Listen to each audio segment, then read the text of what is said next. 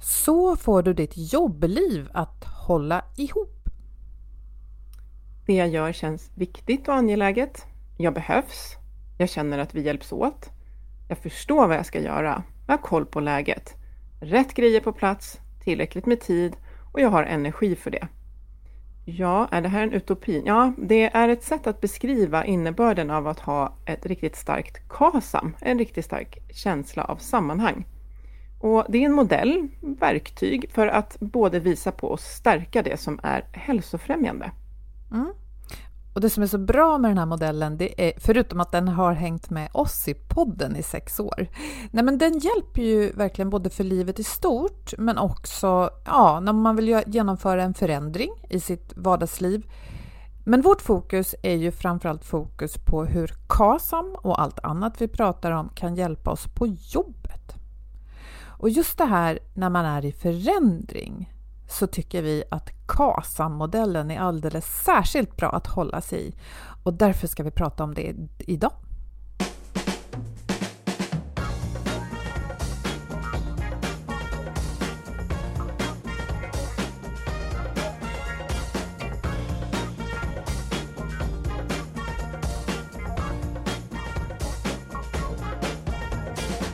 Och det här är Health for Wealth och i ja, snart sex och ett halvt år har vi poddat om hälsa på jobbet eftersom människor som mår bra, de kan prestera bra. Mm. Och för att må bra behöver vi goda samarbeten, rätt resurser, handlingsutrymme och trygga ledare som har tid att leda. Och I podden tar vi hjälp av våra gäster, ett helhetsgrepp på hälsan på jobbet och vi är Ann-Sofie Forsmark. Jag är hälsostrateg, ledarskapskonsult och jag driver organisationen Oxigroup. Och Boel Stier, copywriter och kommunikationskonsult. Varje vecka delar vi inspiration, idéer och tips för ett bättre och mer hållbart arbetsliv. För dig som är chef, ledare, jobbar med HR-frågor och medarbetare i största allmänhet förstås. Ja, Annie, vad ska vi säga om den här KASAM? Lite, lite märkligt ord tycker jag, men det står ju för känsla av sammanhang för svenska, eller hur? Ja, precis. Och vi, vi, vi pratade precis innan vi tryckte på record här att eh, det, på engelska så heter den sense of coherence. Och för mig så, och det sa du också, att coherence är liksom inte, alltså ett sammanhang kan man ju kliva in i. Eh, och det kanske inte är så bra, utan det här handlar om ett sammanhang som man behöver skapa själv. Och Eh, om man, tittar, om man tar ursprunget, var KASAM kommer ifrån, så, så kan man, eh, jag brukar alltid behöva säga att nu får ni hänga med här och liksom lita på att vi, vi kommer till en arbetsplats på 20-talet. För att eh, han som skapade den här modellen, Aron Antonovsky, han tittade ju på människor som hade eh, överlevt förintelsen och han fann då att trots att de här människorna hade utsatts såklart för fruktansvärda saker, så var det vissa som liksom klarade sig bättre. Och vad var det de hade på plats? Ja, men de hade det han kallade då för en känsla av sammanhang. Och det handlar ju om att man känner en meningsfullhet, alltså både inför livet men också inför de utmaningarna som man ställs inför, känns det meningsfullt att, att överkomma.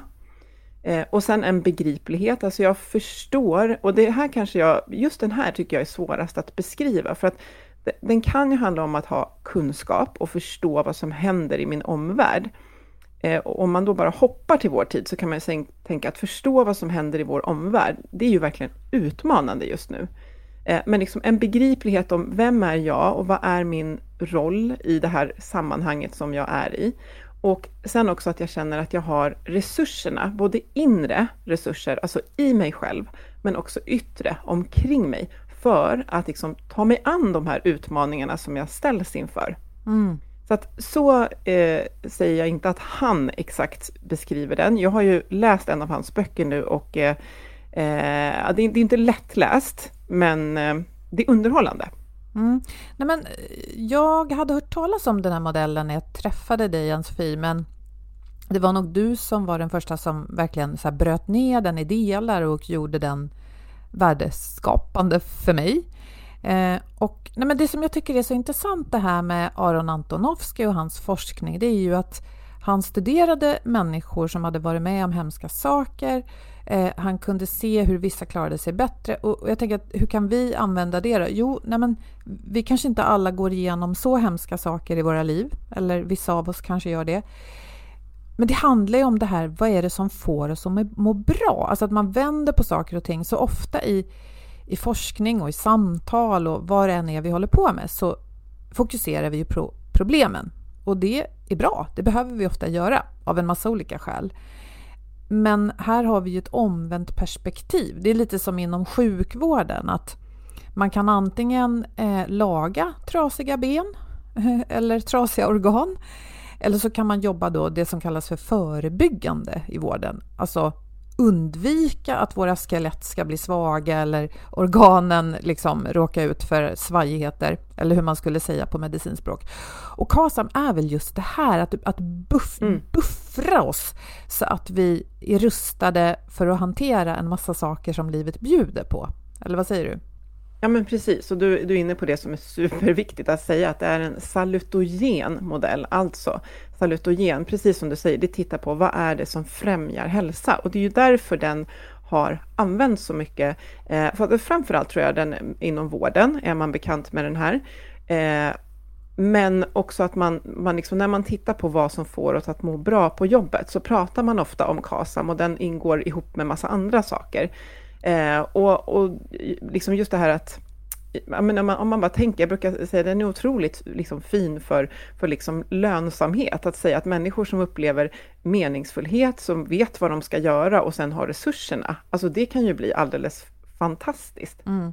Eh, och, och också att eh, just att det vi lätt hamnar i, tänker jag, så, som också ett backar till, eller jag står mitt i liksom kärnan med vår podd, det är ju att vi, den ger en genuint holistiskt perspektiv på hälsa på jobbet. Så att om vi tittar på den här, liksom, vi brukar prata om, se den som en triangel, där meningsfullheten är liksom ledstjärnan och sen eh, hjälper den oss att skapa begriplighet och hanterbarhet. Så går vi ju gärna in på och säger att vi ska stärka upp våra resurser, typ få bättre kondition, eh, träna mindfulness, sova bättre. Men de där insatserna kommer vi ju ha mindre motivation till eh, och de kommer inte hjälpa om vi inte känner en meningsfullhet och hela tiden går runt och känner att sammanhanget är totalt obegripligt. Alltså jag vet inte vad som händer och inte varför det händer. Mm. Då kan jag ju ha världens bästa liksom, resursbod, eller vad ska jag säga, mm. en resursverktygslåda, inre och yttre. Men vad ska jag använda den till? Så de här tre delarna hänger ihop och det är väl det det handlar om också. Ja, men det, du sa ju det här, du, du nämnde det nyss Ann-Sofie, man kan se det här framför sig som en triangel. Mm. Och om man då sätter meningsfullhet högst upp, det, det gillar jag att göra i alla fall. Och jag brukar, istället för meningsfullhet, brukar jag använda varför där. Mm. För jag gillar att göra om det här till varför, vad och hur. Det är bara lättare i mitt huvud att liksom komma ihåg. Men så mm. på toppen av triangeln, då har vi meningsfullhet eller varför.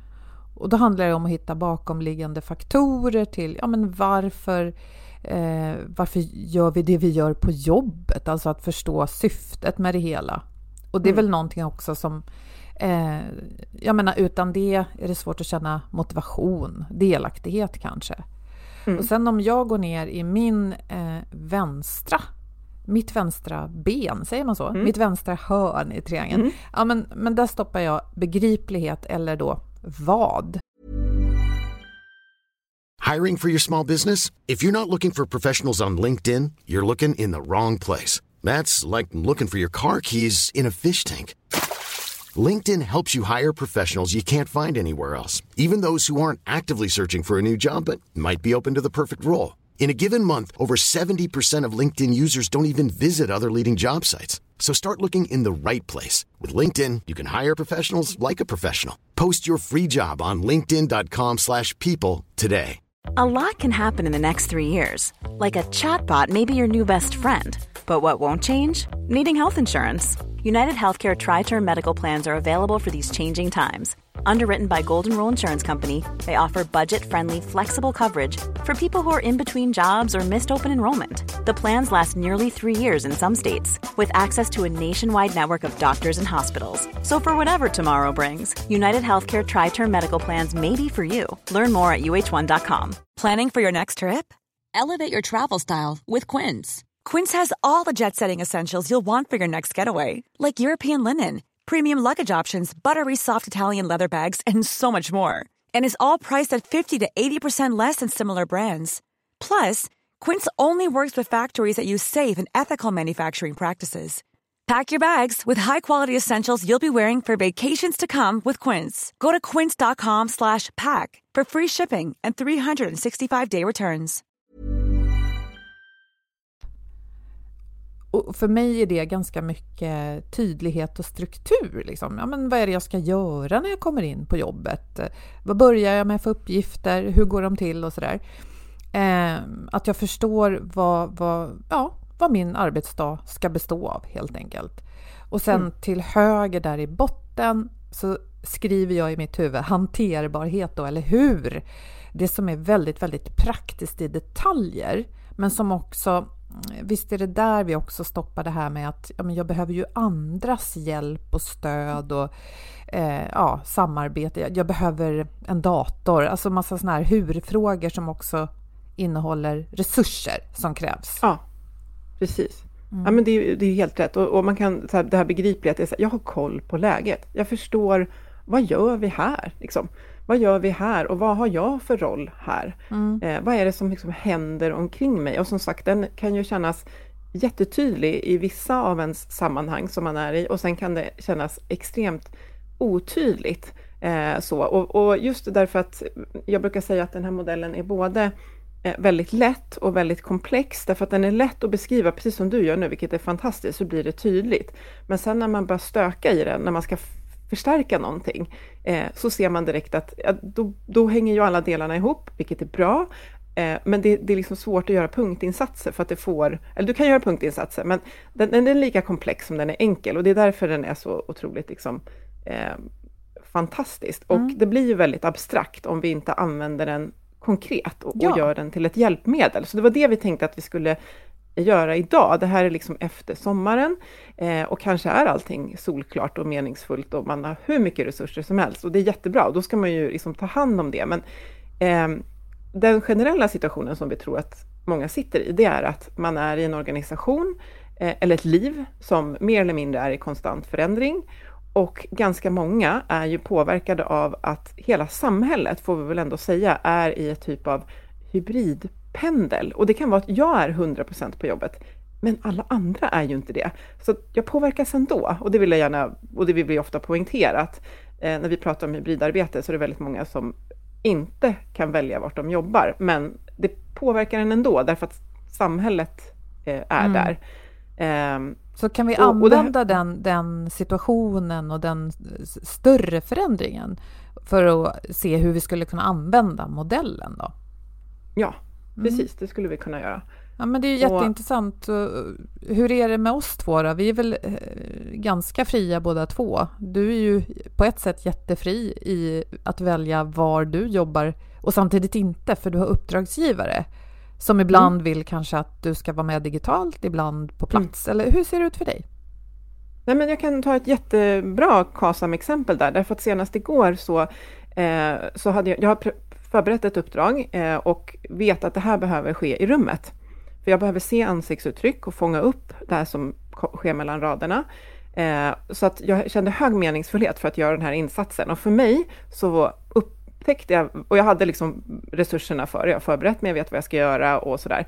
Eh, både inre resurserna, jag känner mig trygg, men jag vet också exakt. Men sen så upplevde jag att, vänta, nu är begripligheten lite på minus här, därför att jag vet faktiskt inte om de tror att vi ska ses i rummet eller inte. Oj då.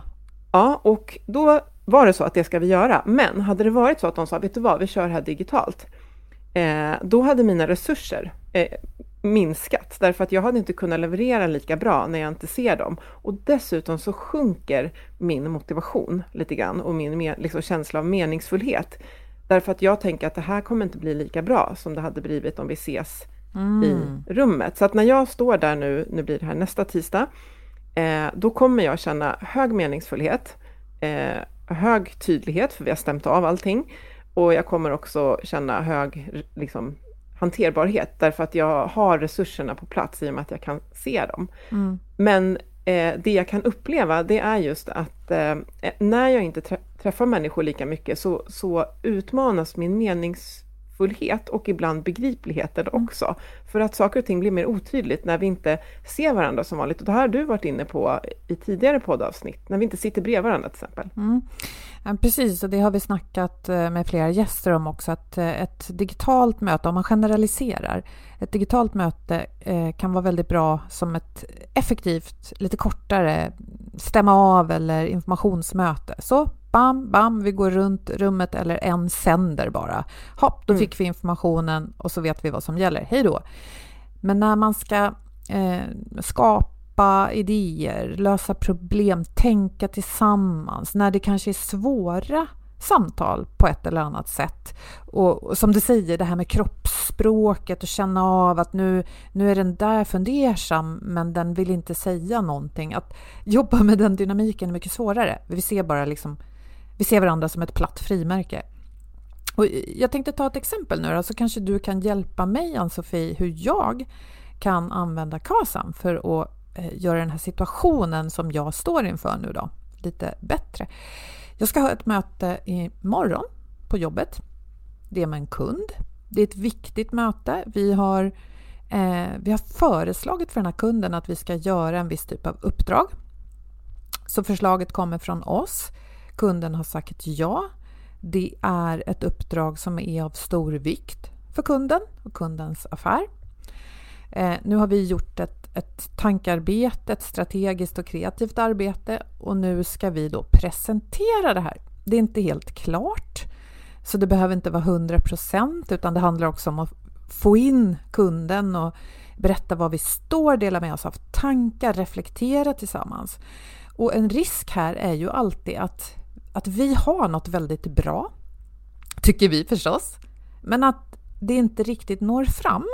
Eller då att eh, kunden liksom tänker på ett annat sätt och tycker nej, men alltså nej, det här får vi släppa.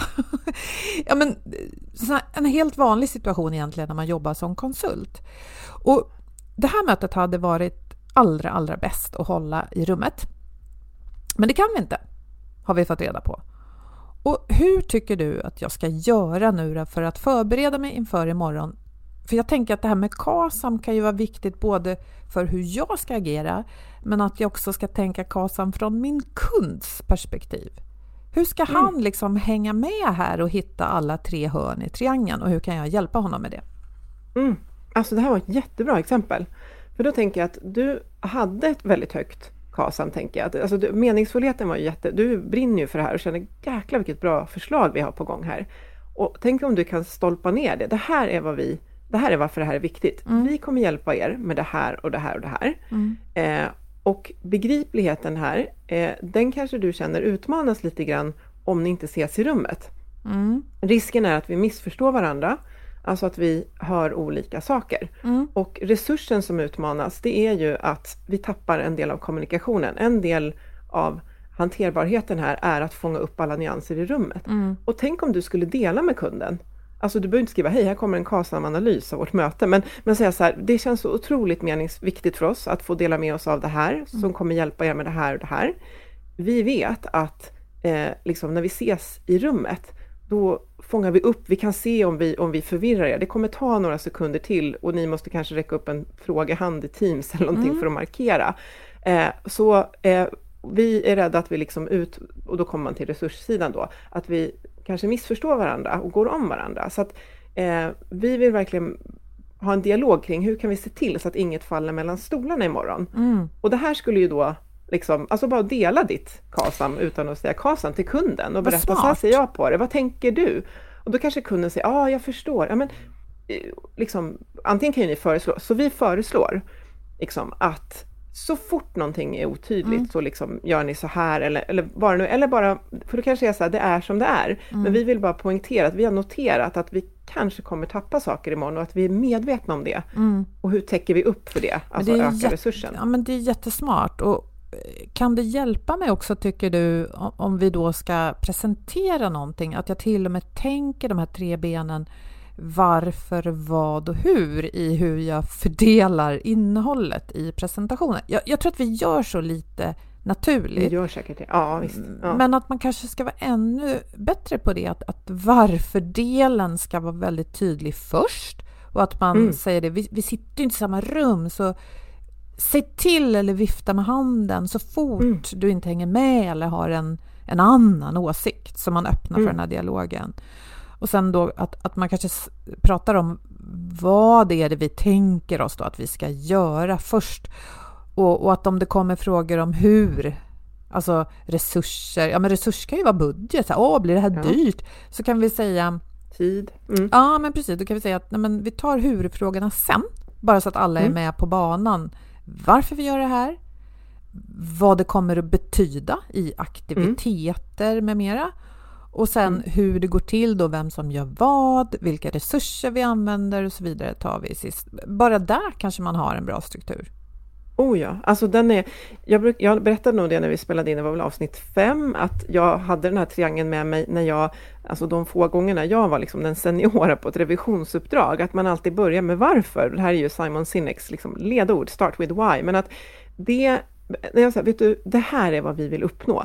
Det gör ju att det blir lättare att sen, och därför, så varför och därför. Mm. Och också om man tittar på eh, att, att liksom vara, och det har vi pratat om tidigare tror jag, att i en organisation som vill vara lärande så är det ju viktigast att ha sitt varför som ledstjärna, för det bjuder ju in till att man då tar reda på vad är det vi ska göra då och vilka resurser behöver vi då? Mm. Och, som individ, liksom, det är så himla viktigt för mig att få känna det här och därför så behöver jag de här liksom, resurserna. Mm. Så att det där är ett jättebra exempel, det är otroligt bra stöd för eh, liksom, allt, allting, allting vi gör. Och eh, vi ser också, vi behöver liksom alla de här sakerna på, på plats. Och eh, det finns en studie som gjorde på sjukvårdspersonal till exempel, men, men alltså, det är så mycket som man kan liksom, ta från det, även om man inte jobbar inom sjukvård. Och att vad är det som gör att det känns meningsfullt? Ja, men det är eh, att, alltså belöning, och det kan handla om att det, jag ser att det jag gör leder till någonting viktigt. Att jag gör det i ett team, alltså att jag gör det med andra. Det kan fortfarande vara så att jag sitter själv, men jag känner att det här är ingenting jag sitter och kuckelurar med för mig själv, utan att vi strävar tillsammans.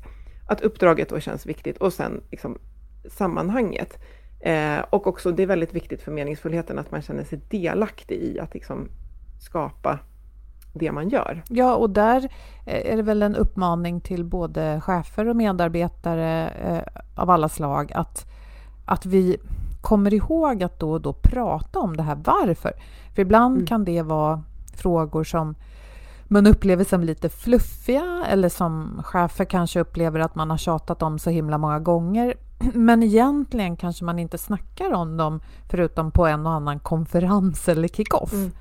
Men mm. att om man lyfter den frågan ofta i vardagen så blir ju kopplingen till meningsfullheten tydlig. Och, och kanske tänker jag att den ser lite an, ö, olika ut för oss alla.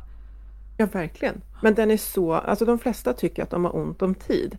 Och då kan man ju säga att vi har ju då baske mig inte tid att göra annat än sånt som känns liksom meningsfullt. Jag hade äran att vara med i Välmående-podden och då, eh, då pratade vi om, om KASAM och just det här vikten av meningsfullhet och jag eh, fick jag var ett tips liksom. Jag sa, men gå på en liten meningsfullhetspromenad genom din dag. Och väldigt viktigt här att det, det handlar inte om att vi är ute och räddar världen hela tiden, utan sånt som känns viktigt för mig mm. är ju det som liksom är, är meningsfullt. Ja, får jag skjuta in där? Um, jag tänker att det skulle kunna höja värdet av en uppgift som jag känner ganska... Eh, som jag tycker är tråkig. Mm. Någonting som är repetitivt, någonting som jag helst skulle vilja låta bli, men som någon måste göra. Att om man då funderar på meningsfullheten, att okej, okay, jag sitter och matar i det här Excelbladet eller vad det nu är, en gång i veckan. Det, jag behöver inte tänka så mycket, det är tråkigt. Men om det då är väldigt meningsfullt att jag gör det därför att det ligger till grund för, inte vet jag, intäkter eller att kunderna mår bra eller att de leveranser vi håller på med faktiskt funkar. Då kan ju det vara meningsfullt på ett sätt som gör att det blir lite roligare. Mm, verkligen. Ja, Daniel Pink har ju de här som vi hade med i vårt, när vi första gången pratade om det här, det här att det är purpose, alltså syfte, alltså det känns meningsfullt i sig, eller potential, det var det du beskrev nu. Att skriva siffrorna i Excel är inte i sig eh, meningsfullt, utan det är det de leder till. Mm. Att plugga till en, som jag sa som exempel, metodiktenta som jag gjorde, som jag bara kände, det här måste jag bara ta mig igenom, men det leder till att jag får min examen. Eh, och ganska många gånger så måste vi ju under dagen göra saker, eh, och det behöver inte bli nödigt på något sätt, men att jag gör det här för att det leder till det här. Och sen play är hans tredje, och play är ju det som, alltså det här gör jag bara för att det är roligt.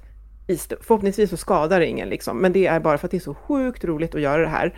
Och, och det räddar inte världen, men vi måste ju ha sånt liksom, i livet också. Mm. Men jag tänker mycket på det här som, som ju vi har stött på under den här tiden, att vi har övergått i mer hybrid och det jag möter extremt ja. mycket, att snacka om att KASAM utmanas och snacka om att vi kan ha hjälp av den när man kanske sitter hemma och känner, det bara skaver. Liksom, jag vet inte jag vet inte riktigt vad det är, eller så vet jag vad det är, men jag kan då ha hjälp av att ja, men det känns Ja, ja men fortsätt. Mm. Det är jättebra att du tar upp det här hybrida igen. Vi pratade ju om en situation där det här med platsen var liksom mindre optimalt, exemplet jag tog då.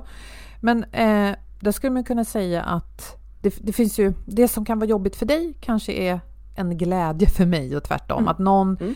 älskar att sitta hemma, tycker att digitala möten funkar jättebra, eh, har gott om plats hemma, lugn och ro och så vidare. Och så är det någon som inte alls har det så och, och älskar att vara på kontoret och tycker det är tråkigt att inte alla är där. Eller alla möjliga liksom, varianter av det här då.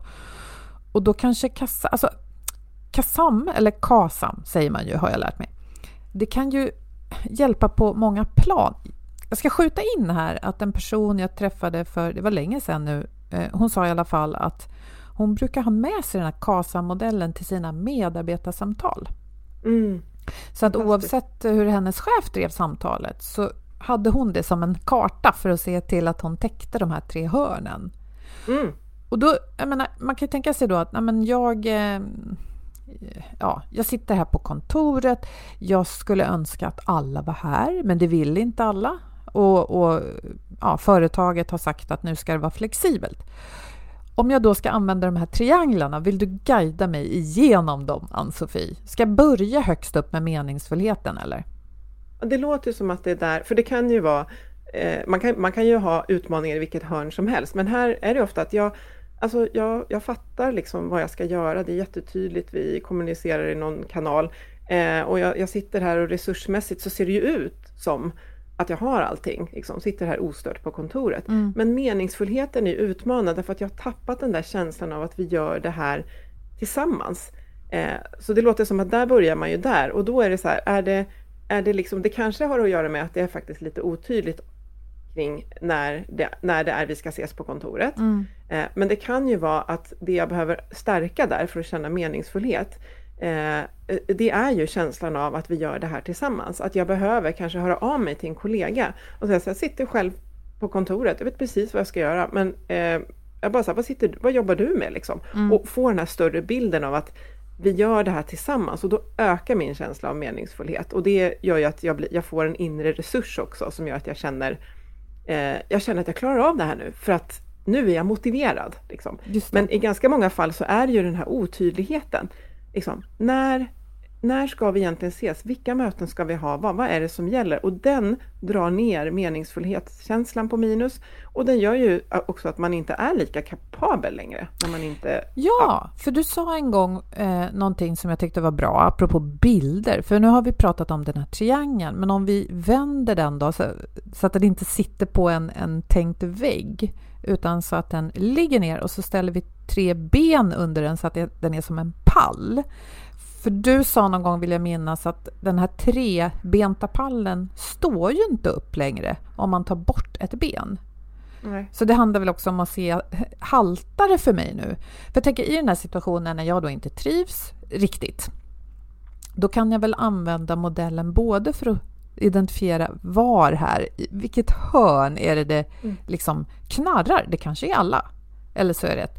Och så kanske det hjälper mig att formulera vad det är jag behöver. Antingen då mm. meningsfullheten, ja, men det, det, det, känns liksom lite tomt och tråkigt att vi inte ses om dagarna och jag känner mig ensam. Och den känslan kan ju lika gärna infinna sig hemma. Ja, men då kan jag ändå peka på det, att det drar ner min meningsfullhet. Uh, och, och, och vadet då? Ja, vi ska ju göra kanske samma saker som förut. Jag ska göra samma uppgifter som förut, men det blir på ett nytt sätt. Okej, okay, så vad var ju tydligt i vänstra hörnet? Då går jag till högra hörnet. Det är hur som också då gnisslar. För att någon är här, jag är här.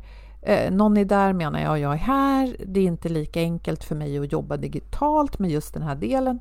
Så då, då kan jag plötsligt se att för mig gnisslar meningsfullhet eller varför och den här hur eller eh, hanterbarheten. Men, men och, och, då blir jag ju bättre på att formulera vad det är jag skulle behöva stöd i. Men jag kan också, som du var inne på, kanske hjälpa mig själv bara genom det här resonemanget. Att jag kanske ser ja. det, så här, ah. Det är inte så konstigt att. Nej. Liksom. Nej. Nej, men det, det är precis där den, den, den liksom hjälper. Sen måste man ju förstå eh, att alltså även om man har gjort den här eh, illustrationen eller identifieringen, diagnosen kan man säga, eh, så måste man förstå, aha, och hur, vad gör jag nu då för att liksom, eh, förbättra det här? För att vi kommer tillbaka till att det är en salutogen modell, så jag kan se att det jag behöver, det är en känsla av meningsfullhet, tydlighet och hanterbarhet. Och nu är den utmanad, liksom. och vad är det jag behöver stärka upp då? Och ganska ofta så behöver jag involvera andra människor. Men det är precis här, precis som hon som du beskrev, har den här lite som, den, den hjälper, vad är det som skaver nu? Liksom, mm. Vad är det som saknas? Vad är det jag behöver stärka upp? Och, och det vi ser det är ju att jättemånga utmanas i det här i och med att vi har förändrat hur vi jobbar. Och är det någonting vi lär oss mer och mer så är det ju att känna att vi jobbar tillsammans eh, och att vi behöver varandra för tydlighet och liksom, eh, hanterbarhet. Det är ju bara tydligare och tydligare och om vi då inte ses som vi brukar göra, självklart så utmanas det här. Ja, och medan vissa tycker det är fantastiskt att jobba hemma för det blir fokuserat så saknar andra kollegorna på jobbet och man kan faktiskt vara på båda de platserna samtidigt. Att ja, det är jätteskönt precis. att sitta hemma, jag slipper pendla, men jag saknar också kollegorna på kontoret.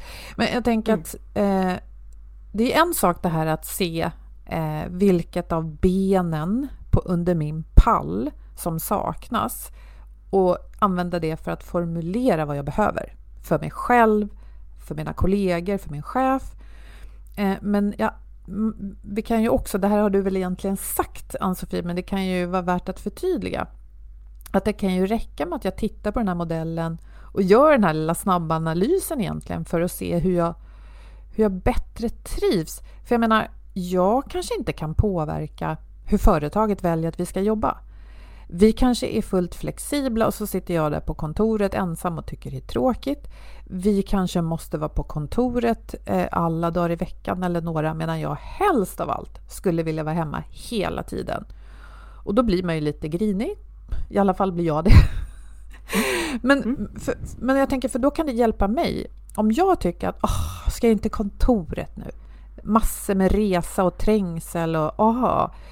Och så funderar jag på meningsfullheten där, att det är faktiskt mm. många av mina kollegor som säger att, de, att det blir så torftigt för dem att inte få ses.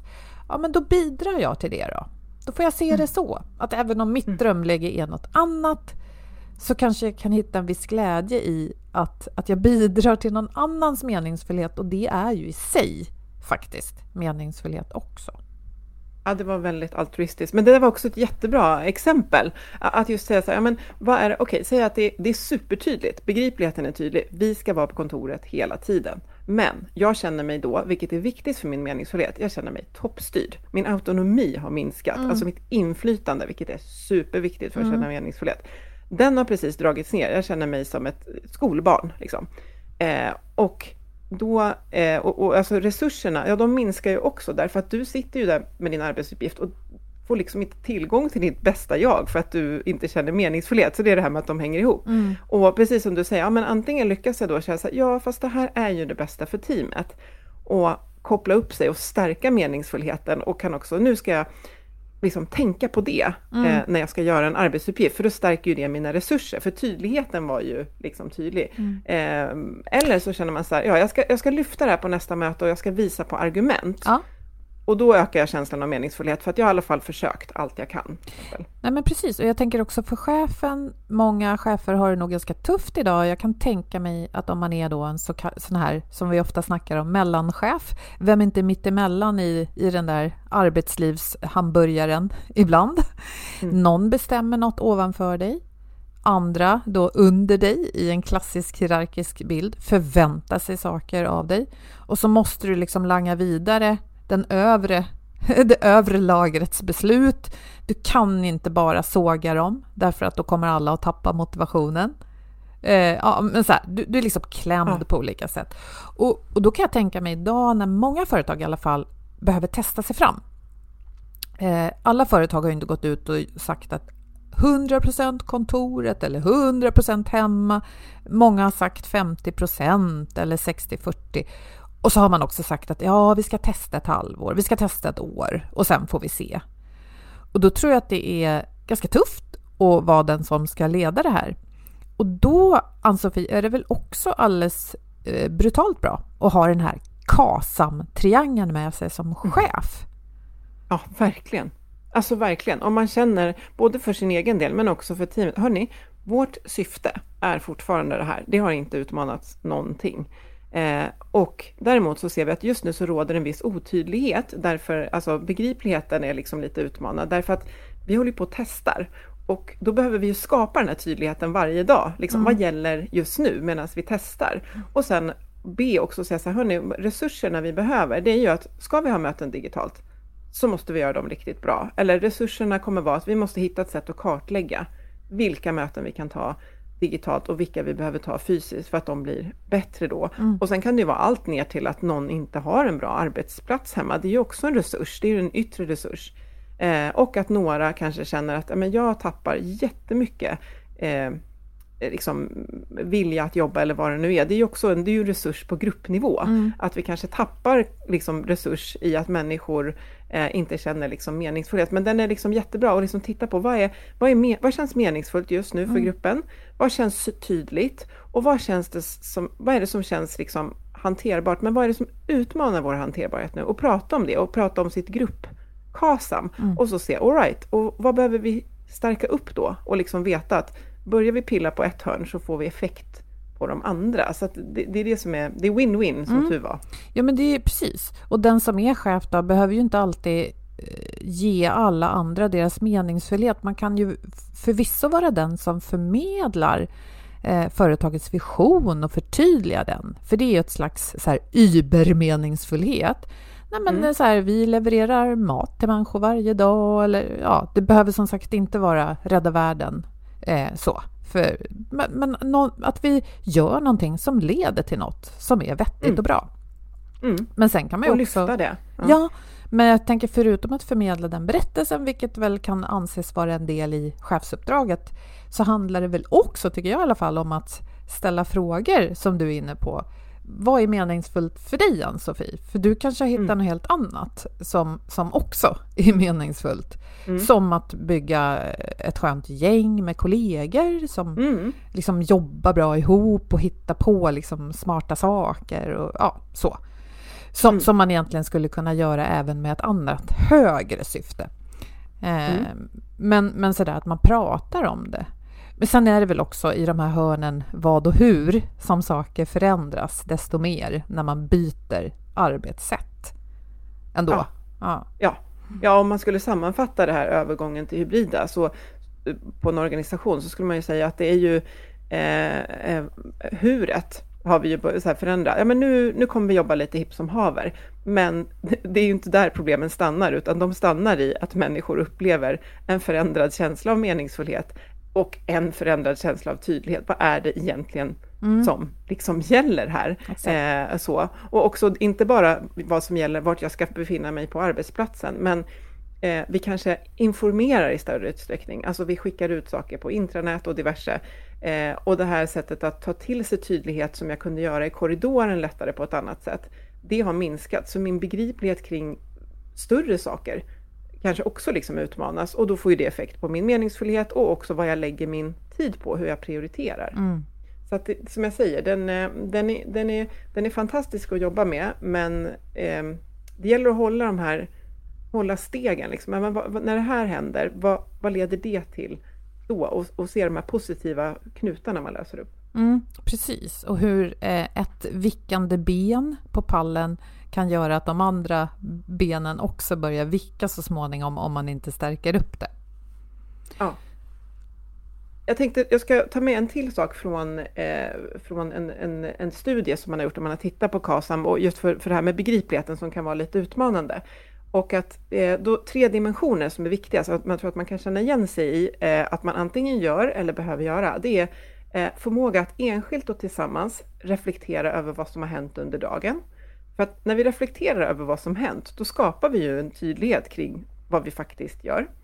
Eh, och sen att försöka ha ett öppet sinne med möjlighet att påverka, men också alltså, tydligheten, den kräver att vi har forum där jag kan ställa frågor. Mm. Fråga vad är det som händer? Och, eh, och få återkoppling på vad som händer. Och det här kräver ju ett klimat där man får räcka upp handen och säga att eh, jag vet att vi sa att det här var självklart, men det är inte det för mig. Jag fattar fortfarande inte riktigt, vad är det, vem gör vad? Liksom. Mm. Eh, och sen så klara strukturer och kunna planera och ha gemensamma mål och gemensam förståelse för de här eh, målen. Alltså det är ju, målen i sig ska ju vara meningsfulla, men de måste ju vara tydliga. Vad är det vi ska göra då? Liksom? Så att det är tre dimensioner som man behöver eh, ha och, och om man liksom omformulerar dem så känner man att det här är precis det man behöver för sitt liv också. Mm.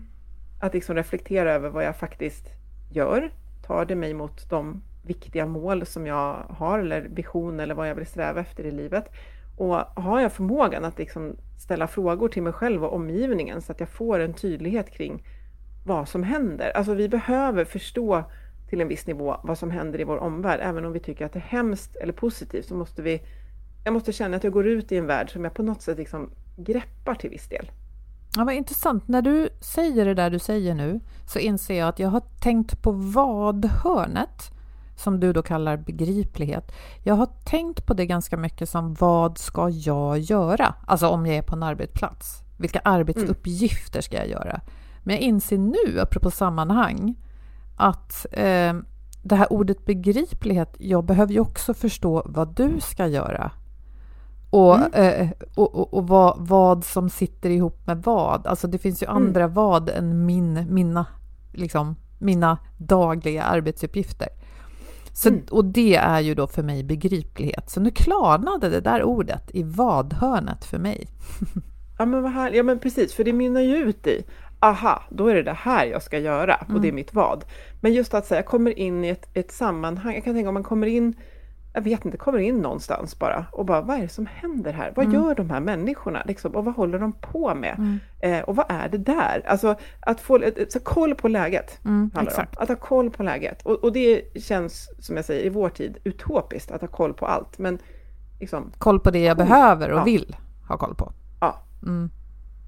Ja men vad kul, den här triangeln kan man ju åka runt i och titta på och reflektera kring eh, ofta Eh, och ja. det hjälper alltid, tycker jag. Ja. Både för det här med ja, reflektion. Ingenting behöver ju nödvändigtvis vara dåligt, men just att reflektionen i sig stärker våra tre ben under den här triangelpallen. Men också för att formulera problem när jag behöver hjälp, för det är inte alltid så lätt att formulera vad det är som skaver. Och då i att vara ledare eller mm, liksom ansvara för ett samarbete att titta på den här pallen då tillsammans med sitt team. Ja, och just det där att man kan liksom, om någonting, eh, om någonting känns riktigt bra, då kan man tänka sig vad är det som känns meningsfullt i det här? Och vad är det som känns liksom tydligt? Och vad är det som liksom gör att jag känner att jag orkar? Och när det inte finns där, när, när det är så här, jag ska in i ett möte och det skaver, känns det meningsfullt? Och liksom hitta det. Eller är det, nej men det är lite, det är baske mig helt jäkla otydligt vad mötet ska vara för och vad jag ska säga. Och, eh, och liksom resurserna, ja då påverkas ju de för att jag känner mig inte riktigt förberedd. Eller som det ofta är, det här känns jätteviktigt. jag vet precis vad jag ska göra, men jag känner att jag har faktiskt inte tiden och orken till det här. Och det är en resurs och jag behöver. Det är en resurs, mm. ja det är ju en inre, inre, inre resursen i min ork och, och, till viss del också tiden, även om den kan påverkas av, eh, av andra. Mm. Och att, ja då kanske jag behöver säga att ja, men jag, jag vill jättemycket göra det här, jag vet precis, eh, känns jätteviktigt, men eh, jag har inte liksom, tiden just nu. Mm. Och det kan liksom hjälpa att ta det där nejet eller ta den där förändringen som jag behöver göra. Mm. Ja men super alltså. Vad kul att få djupdyka i KASAM eller titta på KASAM-pallen igen med dig Ann-Sofie. Ja, jag gillar att du skapar en KASAM-pall. Ja, ja, men jag, det, jag måste ha bilder för sånt här för annars ja. så simmar det liksom bara omkring. Så att, eh, ja. Mm. Va, vad ser du? Hur ser du på KASAM? Vad är det för inre bild hos dig? Nej men det, åh gud, vi ska inte göra reklam för ett stort varumärke här, men äh, möbelmärke, men de, de hade ju såna här bord, i alla fall på 90-talet, som var fyrkantiga, men också de var trekantiga och det är ofta just ett ah, sånt bord som jag hade i mitt tonårsrum. Som, som jag har, men det har jag nog fått från dig, så jag tänker också på det där bordet. Men jag ser faktiskt oftast triangeln framför mig mm. med meningsfullheten som ett riktvärde. För att känner vi den, då, då löser vi mycket av det andra. Mm. Ja, det har du rätt i. Ja, men vad intressant. Tack för samtalet, Ann-Sofie. Och så för övrigt väldigt kul Tack. att ibland är vi bara två. Jag älskar våra mm. gäster och snacka med dem, men det är också så himla härligt att bara prata med dig ibland. Ja, variation förnöjer verkligen. Så är det. Vår samarbetspartner motivation.se Aha, de jobbar i den här övre triangelhörnan. Motivation. De har många intressanta artiklar, det vet ni redan. Idag har vi valt en som handlar om hur meningsfullhet och motivation kommer inifrån och gärna bör göra det för att hålla. Det passar bra ihop med vårt snack om KASAM tycker vi och vi länkar till artikeln från vårt inlägg på vår hemsida eller i din poddapp som hör till det här avsnittet. Mm. Och tack till dig Boel för härligt snack idag och vi tackar våra samarbetspartners Motivation.se och Agda Media för den här produktionen. Ni får jättegärna prata KASAM eller vad som helst med oss på LinkedIn och jättegärna kommentera våra inlägg och säga hej. Så hörs vi om en vecka igen. Hej då!